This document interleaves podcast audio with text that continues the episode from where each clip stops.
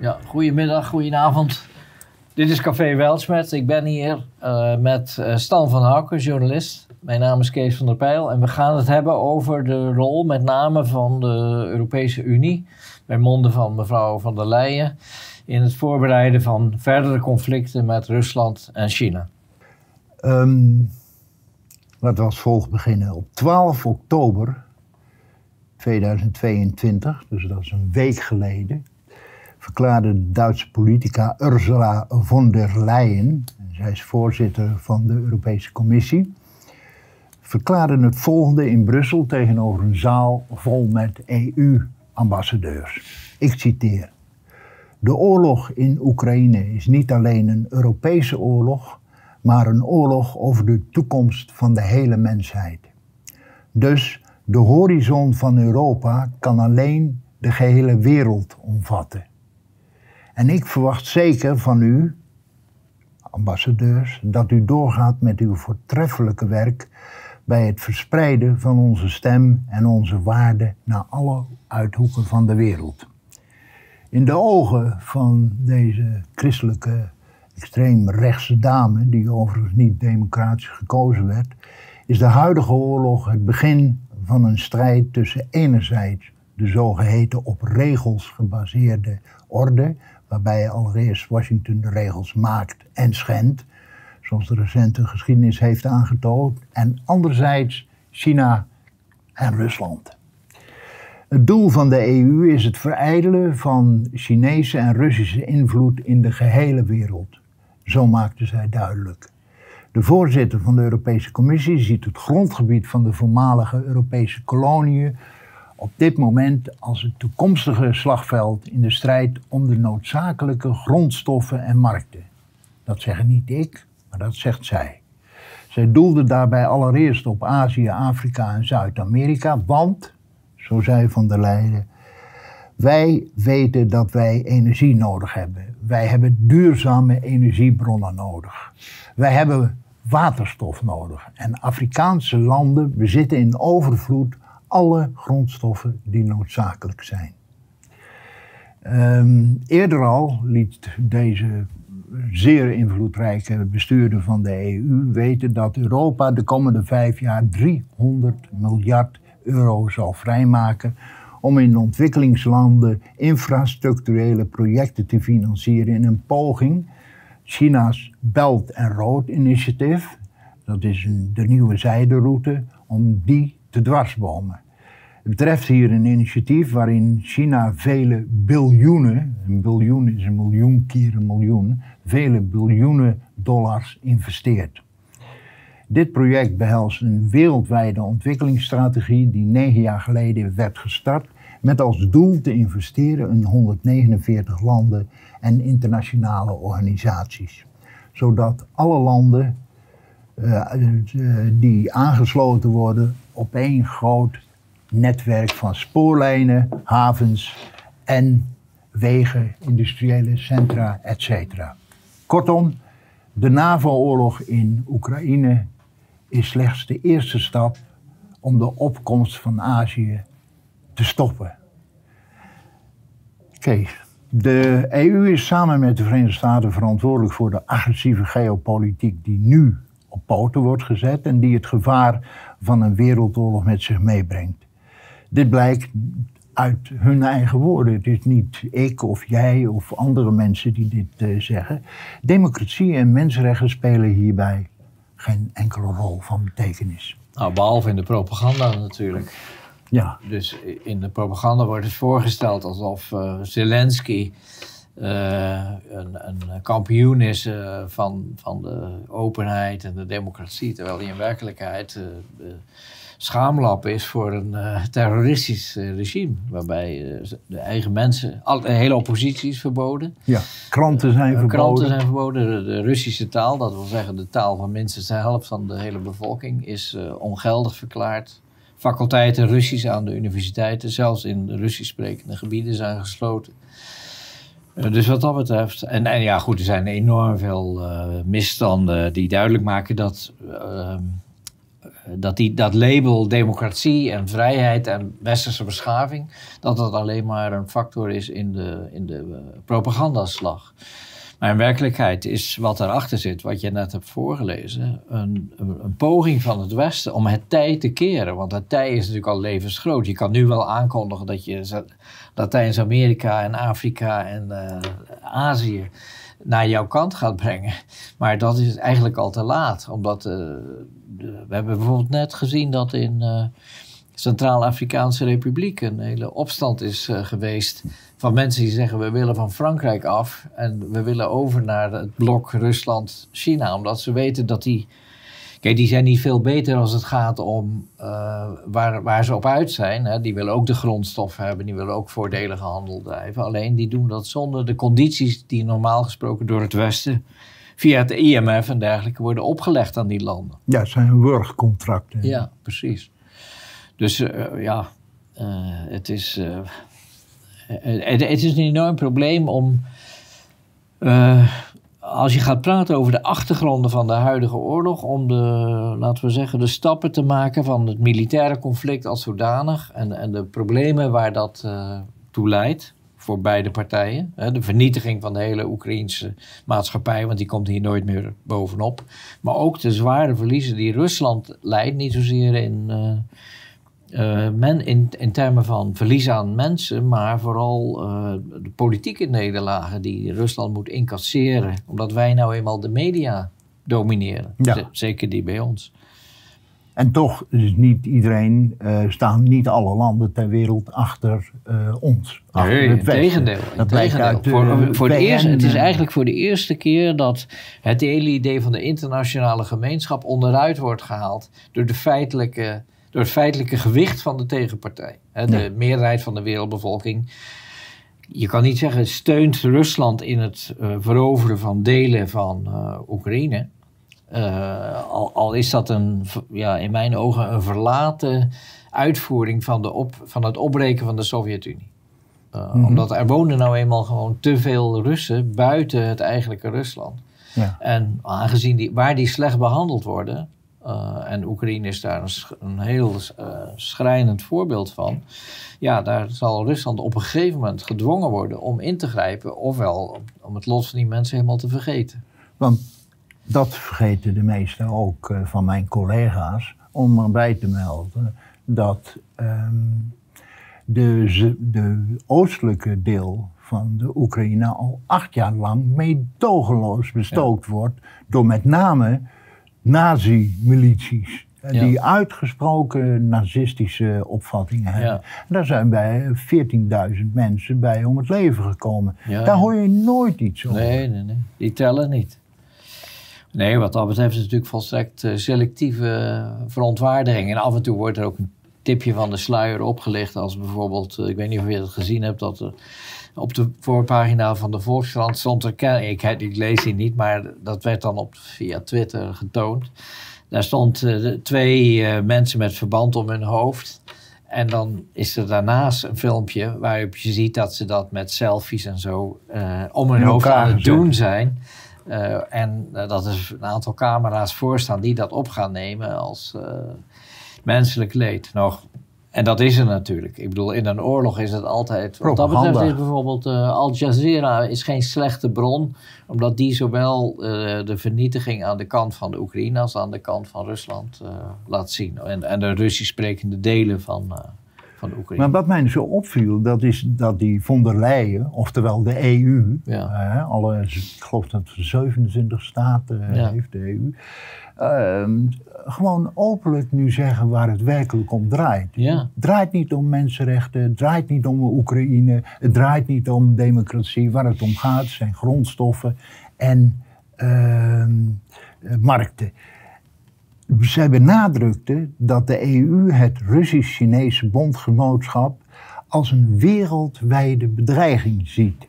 Die, ik citeer, wereldwijd moet worden bestreden dat is een neoconservatieve mentaliteit. Ja, ja, ja. Hoe, hoe, is dat ineens tot stand gekomen? Ik bedoel, waar, namens wie spreekt zij? Ja, ja dat is heel moeilijk te zeggen. Omdat, uh, kijk, de, de, je, je zou kunnen zeggen dat de EU zichzelf in de COVID schuldencrisis, dus vanaf 2020, tot aan nu al heeft opgeblazen. Er zijn nu zulke verschillen die het voortbestaan van één blok bedreigen. En die, die waren natuurlijk in zekere zin al aanwijsbaar toen Griekenland door de molen werd gehaald.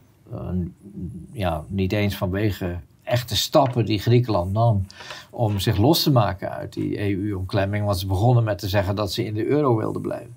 Maar ze hadden nou eenmaal te veel schulden opgehoopt. En die schulden waren aan Franse en Duitse banken. En aan hun eigen Griekse banken trouwens. En om uh, die schulden terug te laten betalen door de Grieken, is Griekenland in wezen aan de bedelstaf uh, gebracht.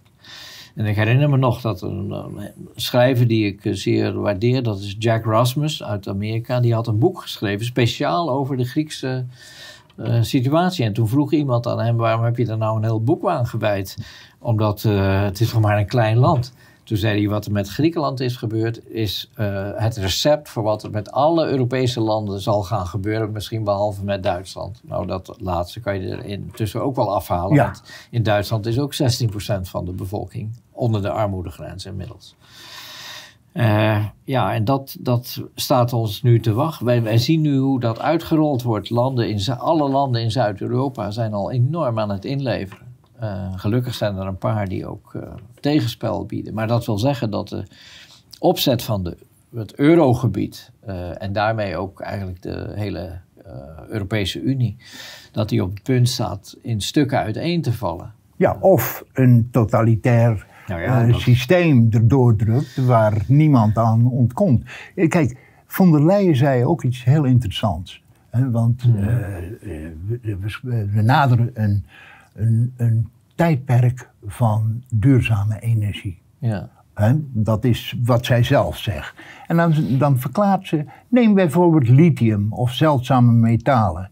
Zij zijn van vitaal belang voor onze groene en digitale overgang. Geen enkele windturbine, geen enkel zonnepaneel is mogelijk zonder deze grondstoffen.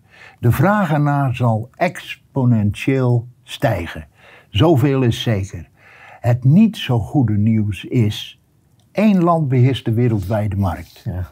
Dat is China. Ja. Nou heb je de aap uit de mouw.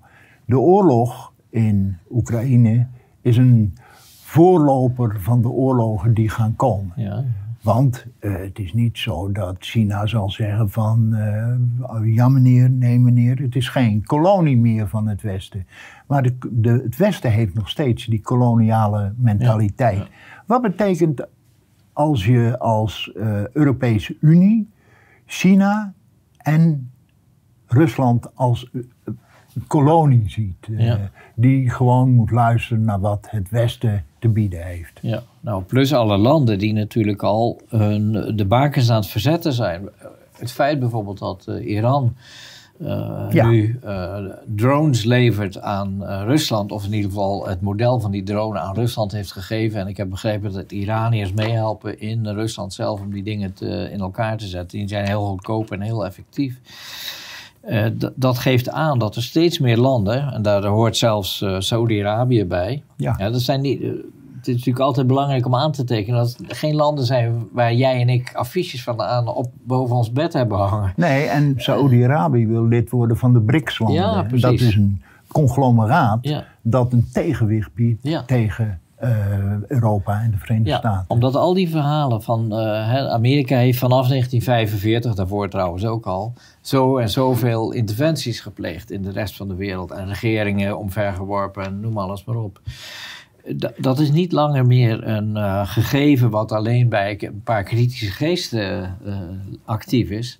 Maar dat wordt door die landen ook gezien. En die, alle regimes in die landen, alle regeringen in die landen, zien net zo goed dat zij de volgende zullen zijn die aan de beurt zijn. Hm. Uh, als, als ze zich misdragen. Te, wat denken, het lot van eh, Gaddafi in Libië ja. is natuurlijk een levensgroot. En Saddam Hussein in Irak. Nogmaals, allemaal geen mensen waar we enorm warm voor lopen. Alleen het principe van de internationale politiek en het bewaren van, van een uh, normale diplomatieke relatie is natuurlijk dat je geen gewoonte van maakt om een land plat te bombarderen en de leiders ervan te lynchen. En de soevereiniteit van landen te precies. schenden. Dat is een Alsof er geen internationaal recht nee, bestaat. Precies, precies. En, en het, het, het, absurde is dat die, de groep landen die dat doet, altijd aangevoerd door Amerika met Engeland dan als de gemene mannetje die voor de psycho-operaties uh, zorgt, ja. die, die, noemen zichzelf op regels gebaseerde samenleving. Ja. Terwijl die andere, de andere kant, waar alles op aan te merken is, maar niet dat ze niet de regel van de soevereiniteit zouden honoreren. Maar hoe is het mogelijk dat een uh, niet, overigens niet gekozen uh, voorzitter van de. Europese Commissie kan zeggen dat wij op regels gebaseerde orde hebben geschapen? Als je alleen al kijkt naar Irak, ja. naar Vietnam, naar, uh, hoe heet het, Syrië, naar uh, Libië, naar wat er in de Oekraïne gebeurt, waar ja. een oorlog is uitgelokt. Wij houden ons juist niet aan die, en dan heb ik het niet eens over het kolonialisme. Nee, nee. Wij houden ons absoluut niet, al honderden jaren niet, nee. aan de internationale regels. Nee, aan, alleen aan onze eigen regels. Ja. Maar ja, daarin herhaalt zij gewoon een thema wat vanuit Amerika ook is aangeleverd. Hè? Dus als je bladen als Foreign Affairs en zo bekijkt, dan zie je dat al aan het begin van de uh, nieuwe millennium ja. uh, men zich begint te heel nadrukkelijk begint te presenteren als de rules-based uh, deel van de wereld. Maar nu hebben we journalisten, mijn collega's ja, van ja, de mainstream media. Zijn, ja. Ik zou, als ik een mainstream journalist, zelfs als ik een mainstream journalist zou zijn, dan zou ik zeggen: oh, wacht even, één moment. Hoe bedoelt u? Wij hebben er alleen al sinds 2020 zo ontzettend vaak het internationaal recht fundamenteel geschonden. Ja. En er zijn duizenden voorbeelden op dat gebied te geven. Ja. Waarom is het zo dat zij denkt dat zij er toch mee weg kan komen met deze nonsens? Ja. Maar ja, A, ben jij geen mainstream journalist, maar B, zijn alle mainstream journalisten gewaarschuwd door het lot van Assange bijvoorbeeld. Uh, dat als je echt onthult wat zich in werkelijkheid afspeelt, ja, dan ga je achter de tralies en naar alle waarschijnlijkheid kom je daar nooit meer vandaan, levend. Nee, maar een simpele vraag of constatering ja. dat wij helemaal niet ons houden aan de internationale nee. regels. Dat moet je als journalist toch nog wel durven te stellen. Ja, dat zou je bijna denken. Maar, maar in de jaren negentig is, natuurlijk een is er een concentratie geweest van eigendom van media. En dan moet je echt, echt zeggen multimedia, dus uh, ook kabel, tv-netwerken en noem alles maar op. Uitgeverijen, die zitten allemaal in één. Uh, als je alleen kijkt naar Nederland dan met z'n twee Belgische miljardairs, of één miljardair en één die wil het graag worden, geloof ik. Ja. Uh, die zitten niet alleen in de Nederlandse en de Belgische kranten, die ze praktisch integraal in bezit hebben. Maar hij zit ook bijvoorbeeld in de raad van uh, bestuur van Bertelsmann. Een ja. van de grootste uitgeverijen van de wereld op dit moment. En ze zitten ook in Brussel. Ja, en ook nog in Brussel Het machtscentrum ja. bij uitstek ja, in Europa. Ja, in het hoofdkwartier van en de EU en de NAVO. Exact. Nee, dat, uh, wat dat betreft is er natuurlijk een, een, uh, is een, een journalist is niet meer wat het misschien ooit geweest is in de jaren 50 en 60 en daarvoor iemand met die de, een positie heeft waarin hij zelf uh, bepaalde grenzen kan stellen aan wat hij uh, ook aan kritiek uh, biedt. Hè. Denk aan bijvoorbeeld de Vietnamoorlog, toen men op een gegeven moment zag dat dat mis begon te lopen. Dan zijn er nog een aantal journalisten in een positie, mensen van grote reputatie die je niet zomaar kan laten verdwijnen, om daar kritiek op te gaan ja. geven in de, in de media. Ja. Op dit moment is het volgens mij de vraag of er nog als je denkt aan mensen als Chris Hedges. Ja. Ja, die worden gewoon op een zijspoor gerangeerd ja. en moeten, worden dan woordvoerder van een oppositiestandpunt. Ja. Normaal gesproken, ja, normaal Cy Hirsch, eh, precies ja, hetzelfde. Ja, die, die, mag in de Verenigde Staten niet meer publiceren. Nee, dus nee. uh, doet dat bij de London uh, de Times. nee, Review of Books. review of Books, En dan sorry. moet je weten wat, wat die man met zo'n naam, Seymour Hirsch, ja. met welke onthullingen hij in het verleden beroemd is geworden. Ja. Ja. Dan zou je denken, nou dat doet hij weer. Die heeft een status die is onaantastbaar. Maar dat is ju- juist niet zo. De, de, eh, hoe heet het? De, de neiging van de Europese Unie om eh, toch maar even keihard te spelen tegen eh, Rusland en China. Ja. is een ongelooflijk gevaarlijk. Vooral ook als je weet dat de Verenigde Staten sinds de Tweede Wereldoorlog geen enkele oorlog hebben gewonnen. Nee. Ja, op het eilandje, hoe heet het ook? Ja. Grenada. Grenada, ja. Waar 10.000 mensen wonen. Ja, Panama. Eh, eh, Panama hebben ze. Ja, ja, precies. Dus, eh, maar en de echte grote conflicten heeft het niet gewonnen. Nee. Nu wil de Europese Unie een koers volgen die onherroepelijk tot oorlog leidt. Dat kan je niet, eh, kan je niet ontkennen. Ja, die oorlog is er al. En die is er al, dat is het voorbeeld. Die is ook uitgelokt, bewust Ja, ja, uitgelokt ja, door eh, de, het Westen. Hoe, wat betekent dat nou? Nee, zij is niet democratisch gekozen, maar zij roept nu wel af wat wij met z'n allen gaan doen. De bevolking zal daar het slachtoffer van worden. Ja, ja, ja. Niet alleen financieel, maar straks ook doordat als het echt uit de hand loopt, je een nucleaire oorlog eh, krijgt. Eh, is er nog iemand wie we kunnen vertrouwen en op wie je een beroep kunt doen? in Nou ja, op de bevolking zelf. Ik bedoel, als je nu kijkt naar de eh, demonstraties die er zijn in Frankrijk. Eh, een explosie van volkswoede. Omdat in Frankrijk de levensstandaard de helft is eh, van die van Nederland bijvoorbeeld. Dus dingen zo- waar wij ook last van hebben, van het stijgen van allerlei prijzen.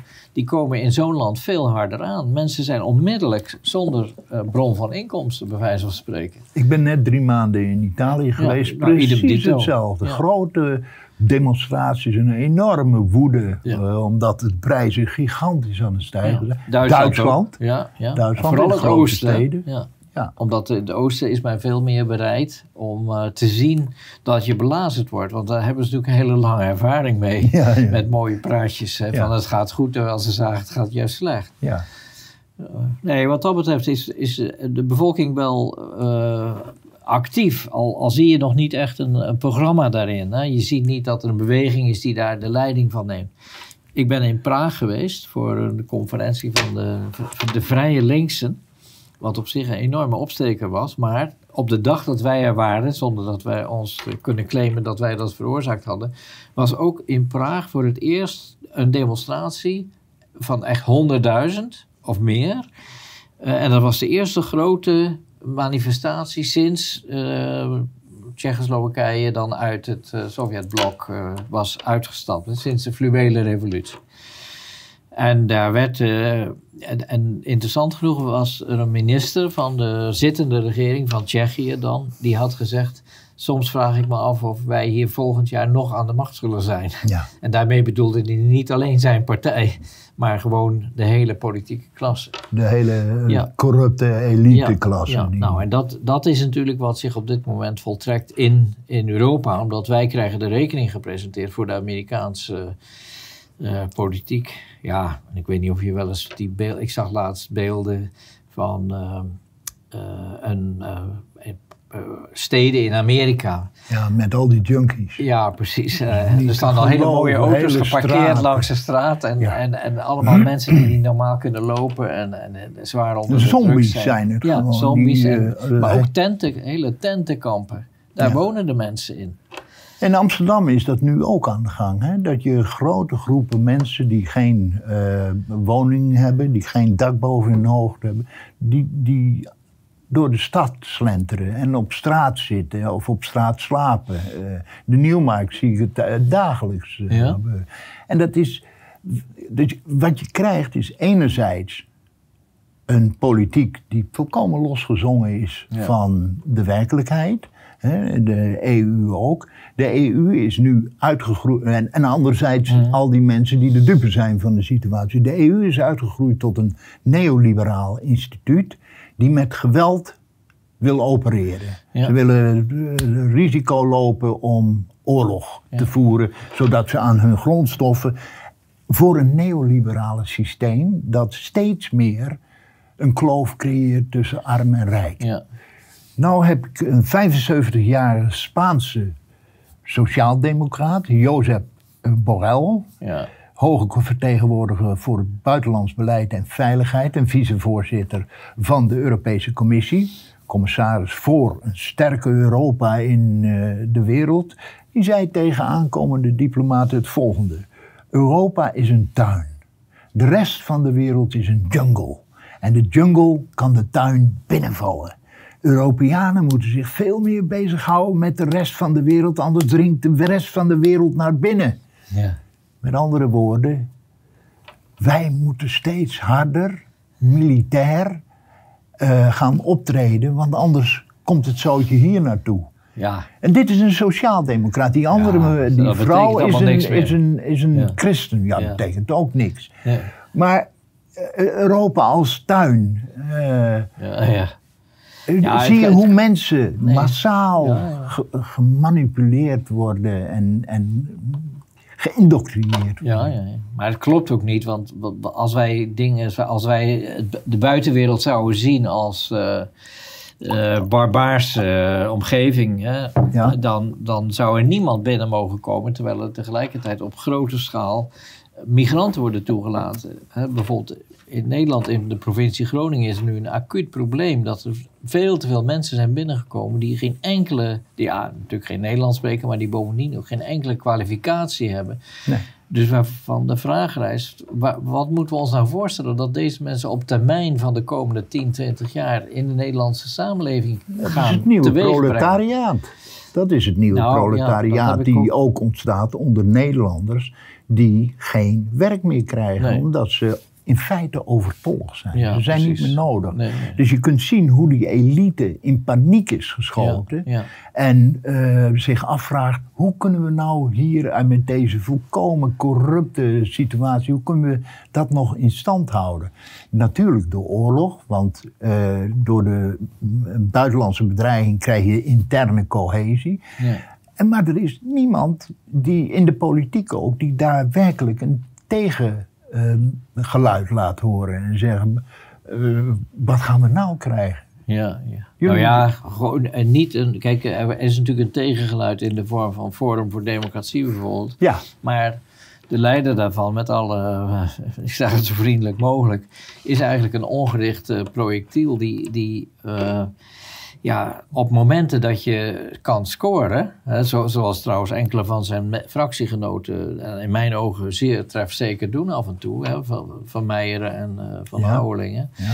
Maar Baudet zelf eh, slaagt er niet in om op een zakelijke manier die de, de doorsnee Nederlander aan zou spreken, in openbare debatten het woord te nemen. Hè. Hij komt heel vaak met zeer exotische theorieën over de schoolopleiding van minister Kaag, in plaats van de vinger te leggen op het feit dat zij eh, en haar ministerie vinden dat de bakkers en de slagers en de caféhouders gewoon failliet kunnen gaan en dat dat verder eh, zelfs gunstig is voor de ja dat staat energietransitie. letterlijk in een rapport. Ja, eh, Precies. Nou, en, en eh, we missen op dit moment eh, eh, politici die wat dat betreft ehm, consequent hun vinger kunnen leggen op de gevaren die eh, voor de Nederlandse maatschappij, voor West-Europa en het algemeen, eh, zich blijven opstapelen. En de, ik vind ook niet dat je moet zeggen, eh, ik ben een aanhanger van Poetin. Dat, dat, dat doet er op dit moment helemaal niks toe. Het Nee. gaat erom dat we met een, een mondiale grootmacht eh, te maken hebben. Die zijn we aan het provoceren geweest. We hebben alle afspraken die daarmee gemaakt zijn vanaf 1989, toen de Sovjet-Unie in elkaar ging donderen. Die hebben we genegeerd. En, en Geschonden. Nu, ja, en nu, worden, nu wordt eh, zelfs eh, Finland, wat notabene vanaf de Tweede Wereldoorlog neutraal is geweest. Hè. Je had zelfs het begrip Finlandisering voor een staat die te vriendelijk was tegenover de Sovjet-Unie. Zelfs Finland staat nu op de nominatie om eh, lid van de NAVO te worden. En het is alleen te danken te danken tussen aanhalingstekens aan Erdogan, die niet wil dat zij onderdak verlenen aan Koerden. Dat dat voorlopig niet doorgaat. Maar ik ga ervan uit dat op termijn dat altijd wordt doorgedrukt. Want de onbenullige dames die daar dan ook weer premier zijn, die uh, en voor, zich voor onledig houden met dansen en, uh, en knuffelen met allerlei popsterren. daar zijn tegelijkertijd de mensen die de verantwoordelijkheid nemen om hun land in een bijna oorlogssituatie met Rusland te brengen. De idiote is, het gaat eigenlijk nog veel verder. Want wat nu gebeurt is dat we uh, de EU hebben, hè, dat is even in de termen van Geert Mak, uh, geen Jorwet zonder Brussel. Dat Brussel is ook de NAVO. Ja. Dus wat zie je nu? Dat de gedachtenwereld van de Europese Unie exact, ook in um, woorden en begrippen, exact spoort met die van de NAVO. Ja. Bijvoorbeeld het uh, hele begrip strategisch uh, concept. Wat uh, ook mevrouw, dat is van de NAVO. De NAVO gebruikt strategische concurrenten zijn Rusland en China. Die, die opnieuw, het gaat dus weer om grondstoffen en markten. Men kan toch moeilijk volhouden dat de recente oorlogen van de Verenigde Staten en de NAVO voorbeelden zijn van democratie en mensenrechten. Ja. En toch wordt dat als gesneden koek, wordt het dagelijks ons bijgebracht. Ja. Von der Leyen het is een jaar geleden dat wij onze Global Gateway investeringsprogramma zijn gestart. En sindsdien is de vraag naar een sterk en op waarde gebaseerde infrastructuur investeringsprogramma alleen maar sterker geworden. Dus Global Gateway is de mogelijkheid om ongezonde afhankelijkheid te beëindigen en in plaats daarvan te investeren in bondgenootschappen van gelijkwaardigen. Dat is ons aanbod aan de wereld. 300 miljard euro aan mogelijke investeringen. Ja. 300 ja, miljard. Nee, dat is zo. Maar die, die EU, dat EU-niveau heeft zich steeds meer losgezongen van de maatschappij die daaronder uh, resorteert. Uh, ik bedoel, de, de, uh, ik weet niet of je die toespraak hebt gezien van die uh, nieuwe Italiaanse premier Meloni. Nee. Waarin zij, die werd dus voorgesteld hier in rechtse kringen als enorm verfrissend. En ja, het is haar na te geven dat ze bijzonder boeiend kan spreken. Ja. Hè, dus ze zeggen, er werd gesproken over een powervrouw en, enzovoort. Die komt dus voort uit de neofascistische partij, is nu voor zichzelf begonnen. En die uh, is aan, de, aan het bewind gekomen op een programma van uh, tegen de euro, uh, tegen de migratie, hè, de grote immigratie die in Italië ook voor grote problemen zorgt. Maar die thema's heeft onmiddellijk laten vallen na een bezoek aan Brussel. En nu is daarvoor in de plaats gekomen een aanval op Macron. En die toespraak die ik gezien heb, daar valt ze Macron aan op het feit dat hij Afrika uitbuit. Nou, dat is natuurlijk een oud thema, want ook Mussolini begon zijn ja. uh, veroveringscampagnes ja. met uh, oorlog Ethiopië. in Ethiopië. En, uh, Libië. En, nou ja, Libië was natuurlijk al een thuisbasis voor de Italianen. en waarom valt zij nou Macron aan? je, je denkt dan onwillekeurig als je dat hoort van, nou, dat worden gezellige Europese vergaderingen. Zij blijkt helemaal niet zo uh, authentiek nationalistisch Italiaans te zijn. Ze is in 2021 lid geworden van het Aspen Institute, wat een van de meest prestigieuze uh, Atlantische organen is in Amerika en Colorado gevestigd. En zij valt dus Macron aan, omdat die uh, al een aantal jaren steeds weer om de hoek komt met zijn plannen voor een Europese defensie, voor een eigen strategische autonomie. En dat heeft natuurlijk alles met de Franse positie in Afrika te maken. Want ja. Frankrijk ziet met ledenogen aan dat, uh, nou dat is in Rwanda heel duidelijk geworden, dat de Engels sprekende wereld dat die oprukt, ook in Afrika, ten koste van de Frans sprekende. De Belgen en de Fransen verliezen daar uh, terrein. En die Meloni die heeft nu haar, uh, ja, haar nieuw verworven machtspositie gebruikt om Macron op dat thema aan te vallen. Dus eigenlijk voert zij direct uit wat de Engelssprekende machten ook willen. Even ja. helemaal los van de relatie met Rusland en, en China. Waarvan de invloed juist maakt dat nog de Engels uh, sprekende, nog de Frans sprekende Europeanen voet aan de grond zullen houden in, uh, in Afrika. Want ze verliezen terrein aan een hele andere wereld. Ja. Die ook weer niet zo interessant, niet, niet zo, niet zo uh, anders is als, als we zouden willen. Hè? Want dat, zij hebben zich ook bekeerd tot het kapitalisme en, en lijden onder de gevolgen daarvan oligarchie, corruptie en economische crisis. Even terug naar die Europese Commissie. Ja. Die mag als enige EU-instellingen wetsvoorstellen indienen. Ja. Daarnaast controleert de commissie of Europese wetgeving juist wordt toegepast in de lidstaten. Onderhandelt zij in internationale organisaties als de Wereldhandelsorganisatie over de handel van de Unie met het buitenland. En is zij verantwoordelijk voor het beheer van de Europese begroting van 140 miljard euro per jaar. Uh, overigens, dat is meer dan twee keer het bedrag dat de Global Gateway nodig heeft, uh, Andrea. En wat betekent dat? Dat betekent in concreto dat heel veel geld van particuliere instanties gaan komen. Hè? Van banken, ja, ja, ja. Uh, pensioenfondsen, et cetera, et cetera. Met andere woorden, hier wordt het neoliberale model alsnog wereldwijd opgelegd door de EU. Een, door een apparaat wat niet democratisch tot stand is gekomen en door mensen die niet democratisch uh, aangesteld zijn. Nee. Het Europese parlement heeft daar niets over te zeggen. Nee. Uh, daar willen mensen dan wel eens op stemmen, maar eh, het is mevrouw uh, von der Leyen die bepaalt welke koers gevaren wordt. Die bepaalt dat wij een ramkoers met uh, China en, ja. uh, en daar is de Oekraïne een voorbeeld ja, van. Ja, ja, dat is een voorpost. De, maar je, je, moet wel ook zien dat... Uh, kijk, ik had ook helemaal niks op met het Europese parlement. Het is ook geen parlement. Het is alleen maar opgezet in de tijd, in de jaren zeventig... toen het toen dreigde dat in Frankrijk en of Italië de communisten in de regering zouden komen. En dan moest je dus eigenlijk een niveau hebben waarop dan zogenaamd democratische beslissingen konden worden genomen om bijvoorbeeld te interveneren of om die landen af te knijpen. Maar het is nu wel zo dat uh, Roemeense, Duitse en andere Europarlementariërs een hele belangrijke rol spelen in het aanvallen van de uh, positie van Van der Leyen. En zij zijn numeriek, stellen ze niet zoveel voor, maar hun uh, interventies op het punt van uh, bijvoorbeeld contracten die door Van der Leyen zijn gesloten ja. met Pfizer voor de injecties. Uh, die komen nu in de openbaarheid. En een van de grote recente ontwikkelingen is dat de Europe het Europese Public Prosecution Office, dus de openbare aanklager, die heeft een onderzoek uh, uh, gestart naar de akkoord, de geheime overeenkomsten die Pfizer gesloten heeft met Van der Leyen.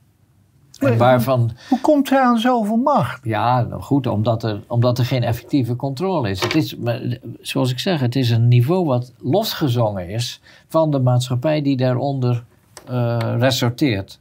Maar dat Europese parlement die, die doet nauwelijks uh, ja, op drie uh, mensen ja, na. Een, Rome een Roemeen, een Kroaat en een handjevol Duitsers. Maar ze geven wel persconferenties uh, waar echt de vonken van afspringen en waar, de, waar niet meer op een diplomatieke, voorzichtige manier kanttekeningen worden gemaakt, maar waar, waar klip en klaar wordt gezegd wat de, het niveau van corruptie aan de top is. En dat, je, hoeft, je hoeft niet met veel te zijn. Nog even Van der Leyen. Ja. Want ik vind het een buitengewoon belangrijk ja, iets. want we worden gerund door mensen waar wij geen enkele greep meer op hebben. Nee, de Europese Unie is een, een, een trein die zijn eigen koers eh, volgt. En dat is een koers samen met Amerika, met de Verenigde Staten, met Washington om precies te zijn. Van der Leyen, ons lot, Europa's lot, hangt af van onze wereldwijde rijkwijde. De oorlog in Oekraïne heeft het transatlantisch verbond sterker dan ooit gemaakt. Ja. Nooit tevoren heb ik op een cruciaal moment zo'n intense samenwerking gezien als dit jaar.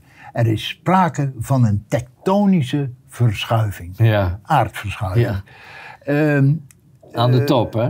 Ja, ja, ja, ja, ja, ja. Von der Leyen sprak verheugd over, ik citeer weer, onze trilaterale energieovereenkomst in juni met Egypte en Israël. Het heeft een belangrijke rol gespeeld in onze strategie om van het Russische fossiele brandstof af te komen. Maar mijn bezoeken aan Cairo en Jeruzalem gingen om veel meer dan gas. Ja. Hier komt de aap uit de mouw. Ja, ja, ja. Ik bedoel, die mevrouw die sluit contracten met Israël. Maar Israël bezet eh, het Palestijns land, dat ten eerste, in strijd met het internationaal recht. Schiet bijna dagelijks Palestijnen dood. Ja, liefst in de jonge leeftijd van zo rond de twintig. Ja, want dan Ja. ben je er meteen Ja, vanaf.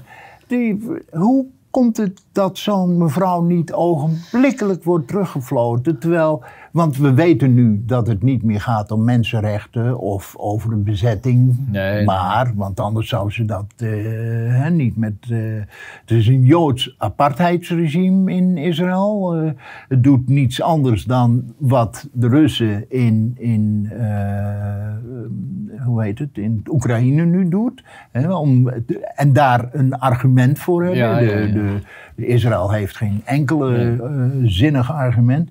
Nou, en in Bijbel. Egypte eh, heerst er een dictatoriaal regime dat eh, gevangenen laat marten. Is, is die von der Leyen nu gek of is dit een briljante strateeg? Nou ja, kijk, terwijl jij het opleest, denk ik dus van. Eh, als zij naar eh, Egypte en naar eh, eh, Israël is geweest, en opmerkelijk alleen al dat ze in Jeruzalem is geweest en niet in de hoofdstad Tel Aviv. Tel Aviv, precies. Dat heeft te maken met de Euromed-pijplijn. en dat is een pijplijn die een, een heel aantal jaren geleden is begonnen. En wat wil nou het geval? Dat de olie- en gasgebieden die door eh, Israëlische ingenieurs en geologen zijn eh, ontdekt, die liggen precies in de eh, territoriale wateren van Gaza, in de territoriale wateren van, de, ter hoogte van de Golan. Dus het zijn allemaal gebieden die Israël met geweld eh er onderhoud dan wel veroverd heeft. En eh, die, eh, ik heb op een gegeven moment eh, in een Frans blad ge- gelezen over die plannen voor die Euromed-pijplijn. gezien hoe belangrijk dat is als alternatief voor de uit Rusland afkomstige gas. Alleen, het is vele malen duurder, want het is dan een pijplijn die loopt van die, van die gebieden die ik net noemde, via Cyprus naar, ik dacht, Italië. En daar werd bijgezegd in de berichten die ik toen nazocht, gewoon via het internet, dat eh, dat project eigenlijk weinig kans heeft, omdat de, eh, het is een duur project en alleen als de olieprijzen vele malen hoger zouden zijn, eh, dan wordt het interessant. Nou, dat is precies Kijk wat op dit moment gebeurt. Juist. Want de oorlog heeft natuurlijk bedoeld of onbedoeld als effect dat de olie- en gasprijzen enorm omhoog gaan. Vandaar dat de.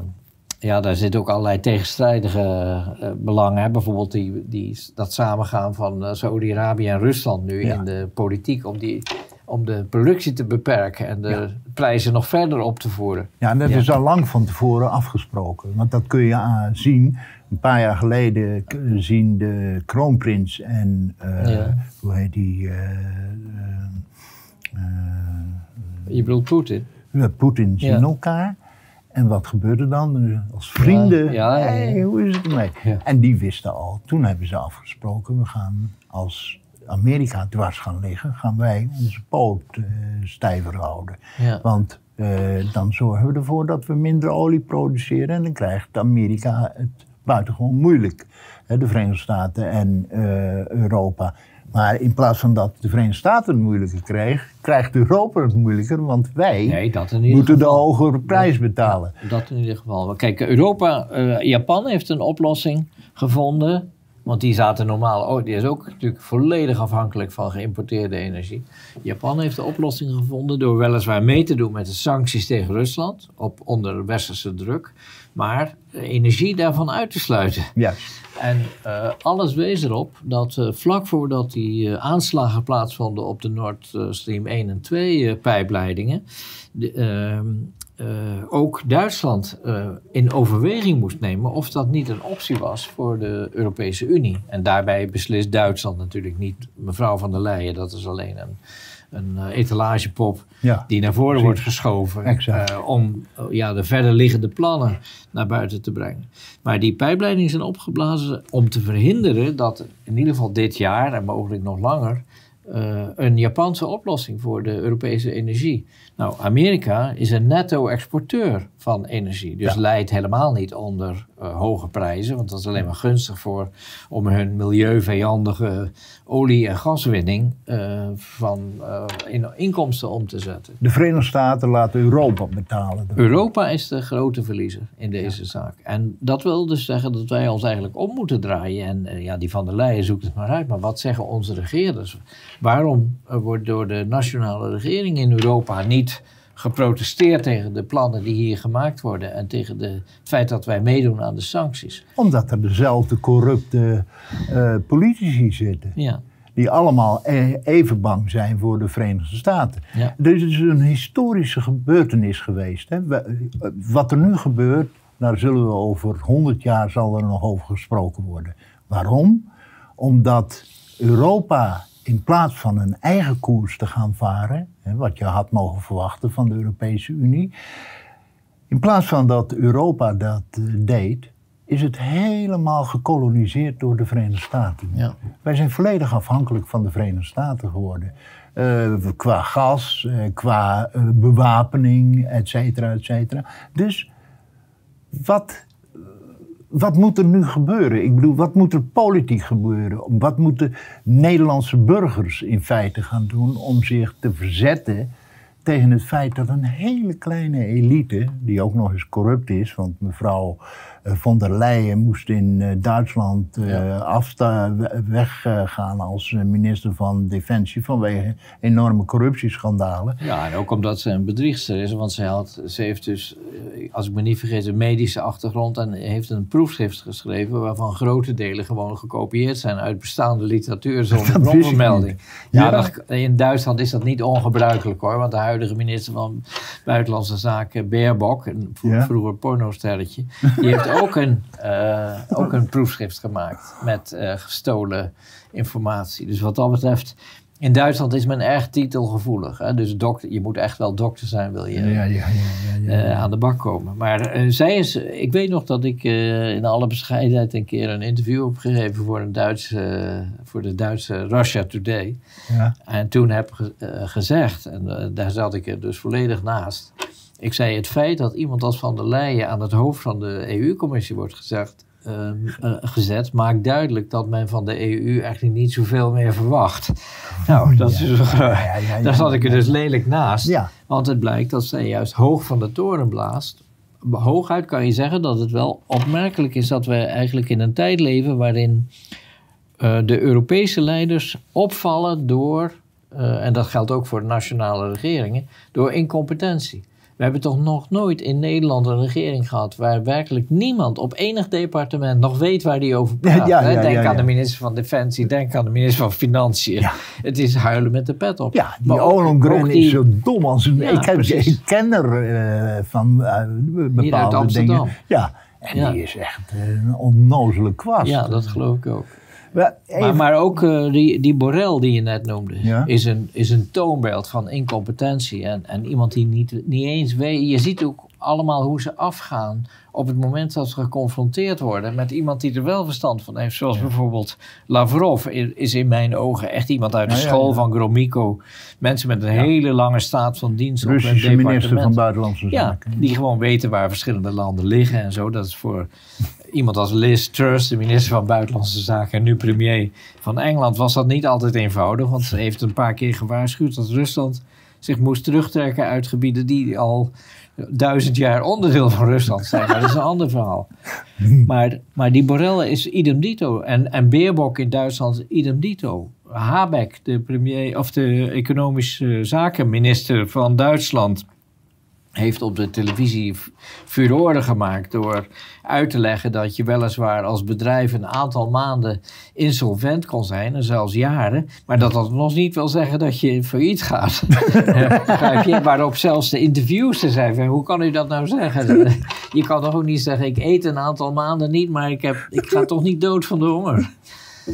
Dat, Dus- dat, maar dat zijn de mensen die op dit moment de, de tent eh, leiden. En dat maakt het erg onwaarschijnlijk dat we op het niveau van de politiek een soort nieuw gaullisme in Europa zouden kunnen krijgen. Hè? Ja. Dankzij, eh, denk aan Charles de Gaulle, die Frankrijk een onafhankelijke positie tussen Ja. Oost en West En uit de wilde laten- NAVO stapt. Ja, precies. En eh, Macron echoot dat af en toe wel een beetje, maar dat is gewoon omdat eh, in Frankrijk de defensieindustrie eigenlijk nog de enige sector is waar het eh, Europees een concurrentievoordeel heeft. Ehm, wat er ook gebeurt, permanent, eh, zowel in de Verenigde Staten als in de Europese Unie, zal ik ehm, proberen duidelijk maken met opnieuw die von der Leyen te citeren. Nooit eerder heb ik zo'n intensieve samenwerking meegemaakt met het Witte Huis als dit jaar, eh, zij dus. Ik was in november 2021 in Washington toen er spanningen ontstonden aan onze oostelijke grens met Wit-Rusland. Dus hebben wij samen met Washington dit jaar de sancties voorbereid. En toen Oekraïne werd binnengevallen, stonden wij al klaar om te reageren. Ja. Wij coördineerden onze acties ronde na ronde. Wij hebben aan beide zijden onze energiecoördinatie en energievoorraden eh, voorraden gemaximaliseerd.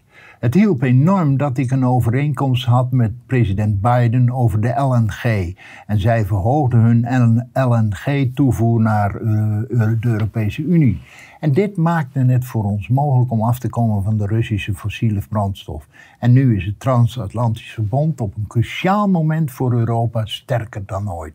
Gelijkgestemde partners als de Verenigde Staten en Noorwegen hebben hun toevoer massaal verhoogd en hielpen ons om eh, te, ons te bevrijden van de buitengewoon gevaarlijke afhankelijkheid van Rusland. Ja. Die, dus dat wordt allemaal in het geheim al Ja, voorbereid. ja, ja, ja. En nu- Nou, dat is ook, eh, heeft er in de eh, Nederlandse, in het Financieel Dagblad gestaan, wat ik af en toe zie.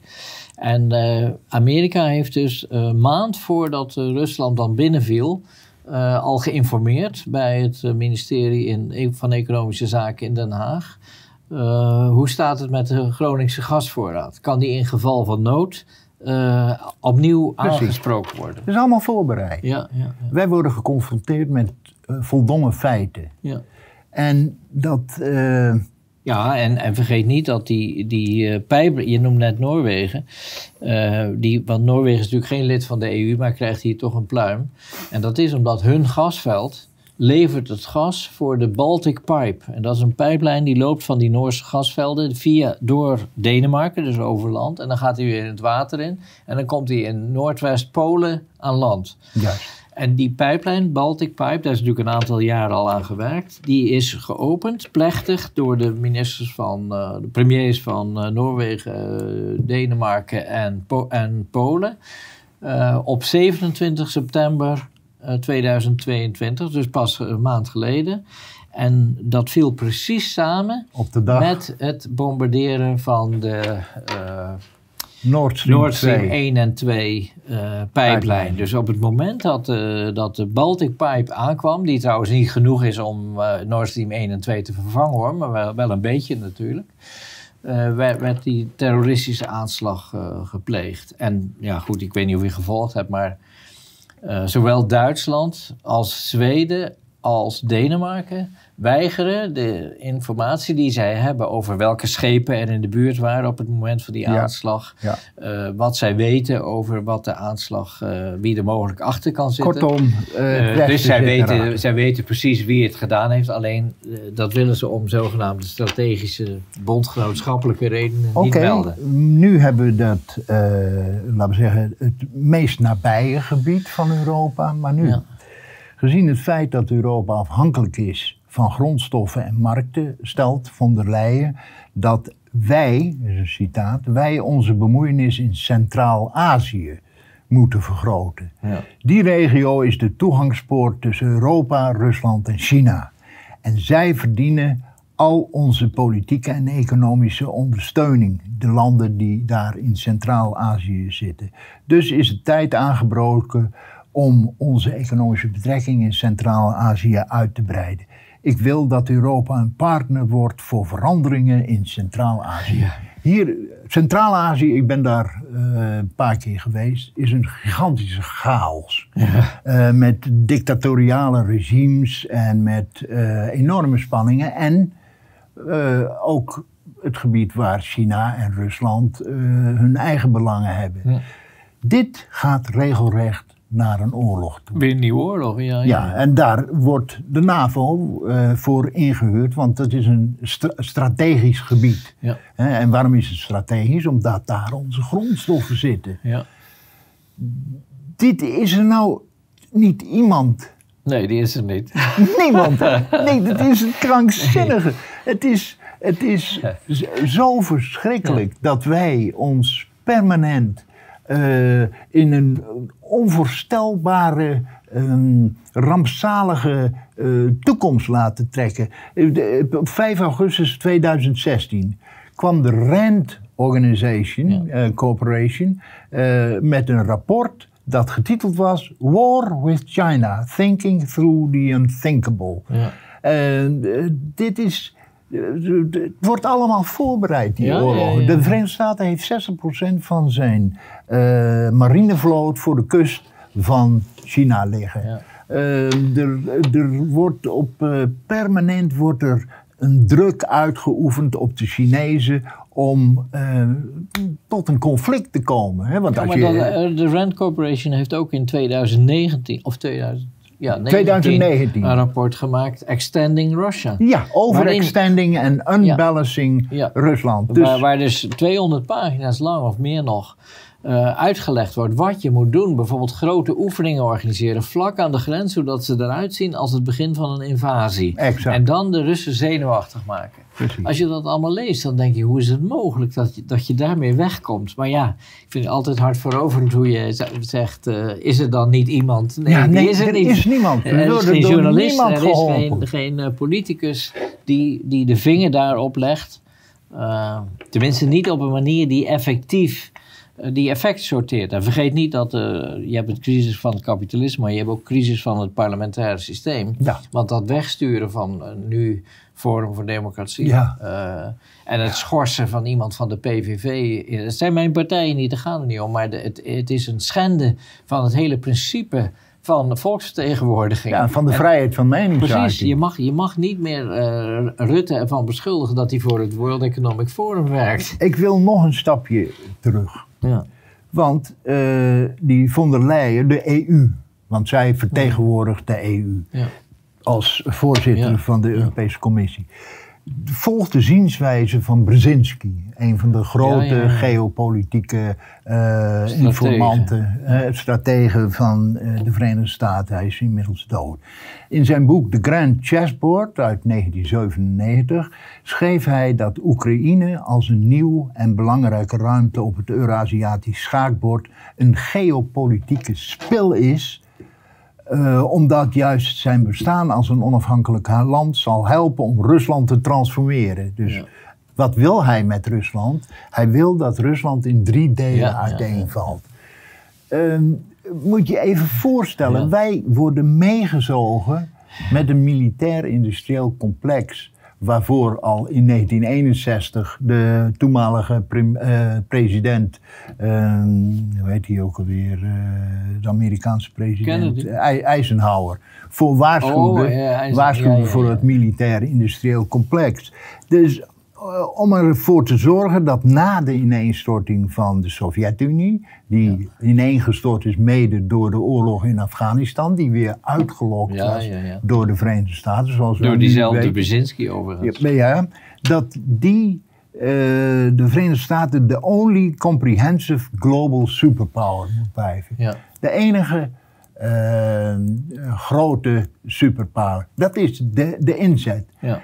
Waarbij Europa, en dat zal ik even citeren, it follows that a wider Europe and an enlarged NATO will serve well both the short-term and longer-term goals of the US policy.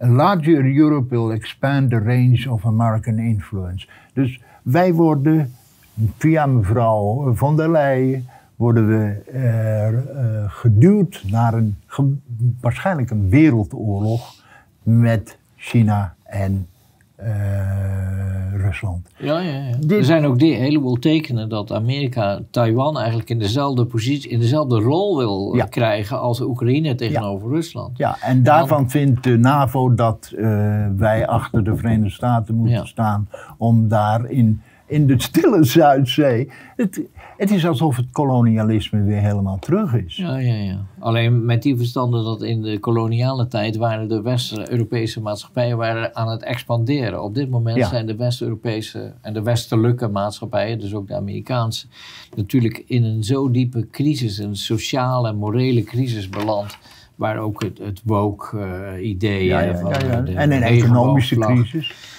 ja. teken van zijn. Dat, dat, dat er een, een, geestelijke onvermogen en een in elkaar, ja, hoe moet je dat zeggen, in elkaar donderen van onze hele, uh, onze levenskrachten. Het vermogen van een maatschappij om verder uh, de toekomst in te gaan. In 2015 zei Kissinger, en van hem verwacht je het totaal niet, maar hij is een, de, eigenlijk de belangrijkste of meest vooraanstaande geopolitieke denker in het Westen.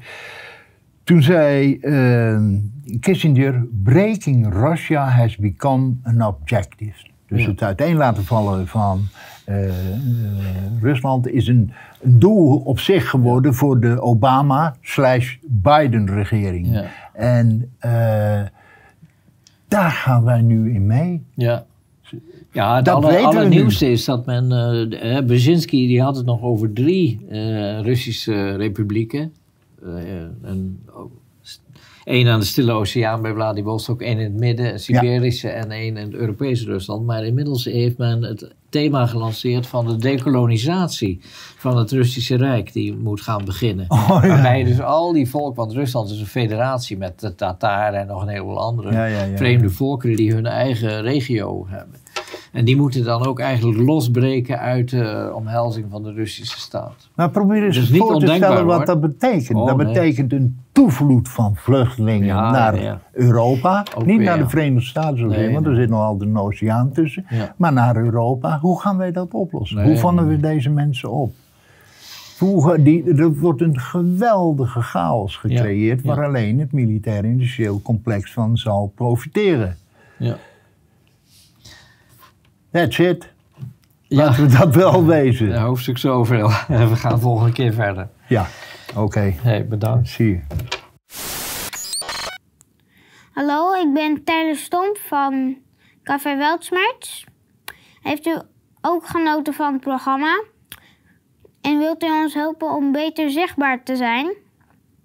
Klik dan op de like-button. En wilt u op de hoogte blijven?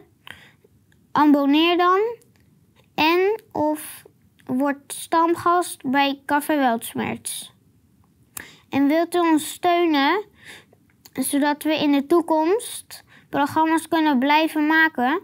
Doneer dan een klein of groot bedrag. Dat maakt niet uit. Bedankt voor het kijken. Tot de volgende keer. Doei!